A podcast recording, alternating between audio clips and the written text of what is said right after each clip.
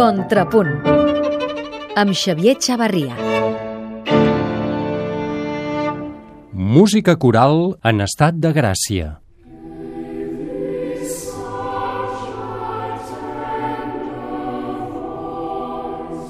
En els últims anys s'ha anat forjant a Catalunya una formidable generació de directors de cor,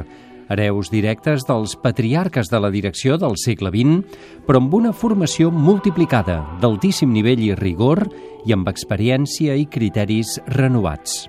això s'hi ha sumat una gloriosa proliferació de cantants amb fusta de solista que, més enllà de la carrera en solitari, on es troben amb certa saturació, també s'han volgut dedicar a la música polifònica i han donat lloc a cors d'un nivell admirable. Però la conjunció d'aquests dos elements, directors excel·lents i cors amb veus d'alt nivell, està propiciant projectes musicals d'altíssima categoria que ja poden parlar de tu a tu els millors cors d'Europa. I volem remarcar, ara que aquest espai i aquest mitjà encara permeten fer-ho, que el món coral al nostre país no para de créixer i de millorar. I ho fan tots els agents que hi participen, en tots els segments i en tots els estils, en qualitat i en quantitat. Mai abans havíem tingut en aquest país un nivell de formacions corals tan alt com el que tenim actualment. La música coral a Catalunya, més enllà de la història i la transcendència que ha tingut l'últim segle, és un valor segur i a l'alça, un valuós patrimoni cultural que cal tenir més en compte.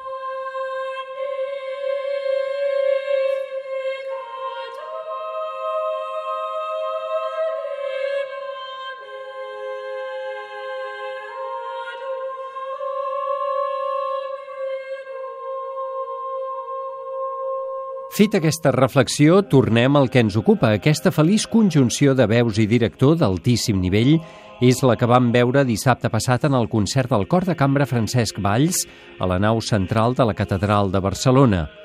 Pere Lluís Biosca dirigeix des de fa un any i mig aquest cor format per una desena de cantaires d'altíssim nivell que proveeix musicalment els oficis litúrgics de la seu barcelonina i que es reforça sensiblement per a produccions més ambicioses, com aquesta que comentem.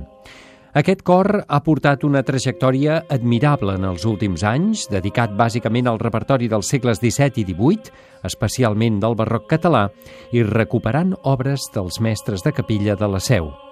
però per primera vegada afrontaven un repertori enterament del segle XX, música religiosa i de caràcter espiritual d'autors capdals com John Tavener, Arvo Part, Benjamin Britten o Alfred Schnittke i amb l'encertadíssima inclusió de dues peces del compositor català Bernat Vivancos, que era present al concert. Obres que tenen la seva dificultat no pas en el virtuosisme o en la potència, sinó en la precisió, l'estil i el color vocal un repertori que Pere Lluís Biosca coneix a la perfecció i en el qual s'hi troba molt a gust, sensacions que es van percebre en la interpretació d'aquest concert, acuradíssima i refinada, amb una mirada austera i una precisió quirúrgica pròpies de l'escola escandinava on s'ha format, Biosca va estudiar a Helsinki, a les quals hi afegeix el so polit però carnós que coneix per contacte intens amb el cor madrigal, com a assistent durant anys de Mireia Barrera experiència i formació que es noten en el treball de Pere Lluís Biosca, en el repertori que escull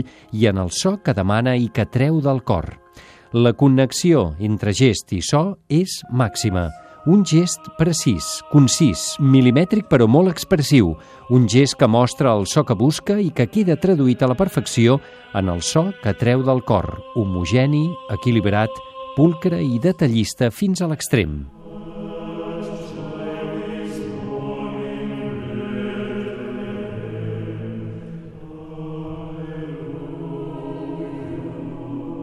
I els 16 cantaires del cor de cambra Francesc Valls van respondre amb molta solvència i disciplina a l'envit del director Vilafranquí,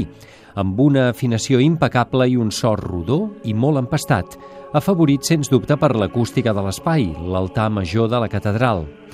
Molt destacables van ser les versions del Magnificat d'Arbo Part, de The Lamb, de John Tavener, el color i la densitat que van treure les tres peces sacres d'Alfred Schnittke i especialment A Child is Born, de Bernat Vivancos, una peça deliciosa, de gran tendresa i dolçor i que ens va tenir bocabadats fins a l'últim sospir. Algunes de les peces més extàtiques van patir una certa baixada de tensió, pot ser més degut a la pròpia peça que no pas al trem del cor, i van percebre lleus indecisions i alguna entrada boirosa a l'Schnitke. Pecats venials, però, en un concert de tan bon nivell en tots els aspectes i que es va cloure amb dues propines musicals exquisides. Un O Magnum Mysterium de Javier Busto, bellíssim i d'estranya sensualitat, i el deliciós motet a vuit veus O Vos Omnes de Pau Casals.